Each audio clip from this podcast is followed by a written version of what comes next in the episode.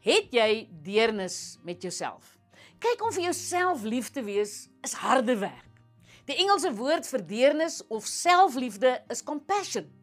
En dit kom van die Latyn compatiri om saam met iemand te ly. En as die iemand jouself is, kan dit nogal 'n moeilike werkie wees, hoor? Want jy gaan moet kan sien om met jouself simpatie of medelee te hê. Nou wanneer ons deernis begin aanleer, kan ons verwag om vrees te ervaar. Vrees vir ons eie pyn. Om deernis vir onsself te oefen is daarom glad nie maklik nie.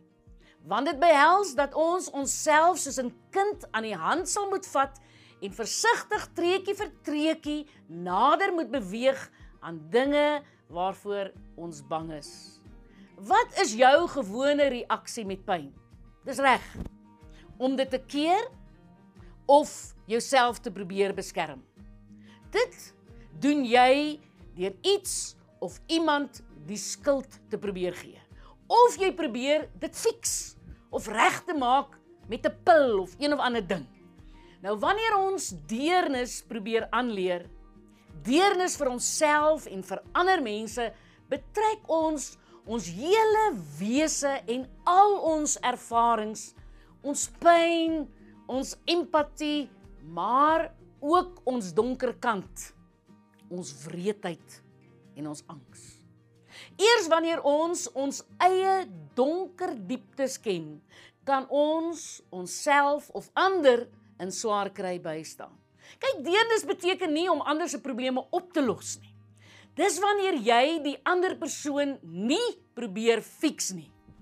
Dis wanneer jy maar net sy hand vashou en hom laat weet dat hy of sy nie alleen deur die modder van sy eie seer hoef te ploeter nie.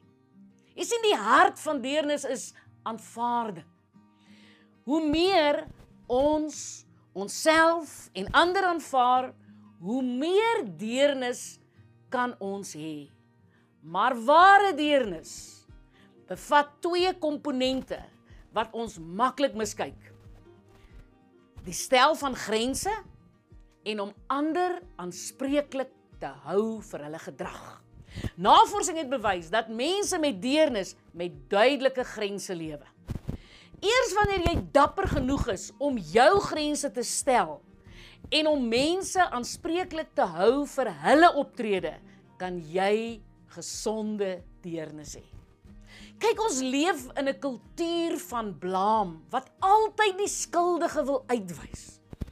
Maar tussen die vingerwysery heen hou ons mense selde aanspreeklik vir die gevolge van hulle dade. Nou die antwoord is om vriendelik maar ferm op te tree met minder woede, verkleinering en verwyte, maar terwyl ons die gevolge van verkeerde gedrag uitspel. Nou navorsers het verder bevind dat deernis met jouself, self-compassion, 3 bestanddele nodig het. Ek gee hulle vir jou. Vriendelikheid, om sag te wees met jouself wanneer jy swaar kry, wanneer jy misluk of ontoereikend voel eerder as om jou seerkry te ignoreer of jouself te kritiseer. Nommer 2, medemenslikheid. Jong, dit is om raak te sien dat gevoelens van mislukking deel is van menswees, iets wat met almal gebeur. En dan derdens om mindful, bedag en bewus te wees van wat jy doen en wat jy dink. Beteken dat ek my negatiewe emosies aanvaar en nie opblaas of onderdruk nie. 'n Mens kan nie deernis met jou eie pyn hê terwyl jy dit ignoreer nie. Dis om bewus te wees van my negatiewe gedagtes en gevoelens, maar hulle nie oorhand te laat kry in my lewe nie. Dis om dis om diep asem te haal en om vir jouself te sê wees genadig met jouself Lenetta is dit regtig so 'n onvergeeflike sonde hanteer jouself soos 'n kind of 'n vriendin vir wie jy lief is en sê vir jouself, ag man, ons maak almal foute. Keer die lelike etikette wat jy om jou eie nek wil hang. Man, aanvaar jou menslike feilbaarheid en gee jouself sommer net 'n ou drukkie. Nou dinge wat in die pad staan van deernis is selfkritiek, isolasie en die grootste sondebok is perfeksionisme. Die geloof dat jy net goed genoeg is wanneer jy perfek lyk, dink, doen en lewe. Perfeksionisme raak jouself en almal om jou. Jou huismense, jou werksmense, jou vriende. En die ergste is dat jy dit ook aan jou kinders kan oordra. Maar gelukkig kan dieselfde met deernis gebeur. Dit kan almal om jou aansteek. Ja, wanneer ons gaaf is met onsself, skep ons 'n prikpot van liefde. Liefde waaruit ons ander kan kos gee.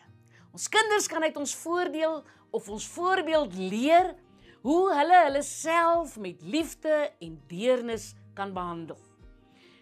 En dan skielik voel 'n mens dat hulle in ons teenwoordigheid hulle self kan wees. Leonard Cohen sing there is a crack in everything. That's how the light gets in. Hou op om al die krake met polyfilla toe te stop Aanvaar jou krake en sien hulle vir wat hulle is. Dit is skeure om God se lig te laat deurskyn.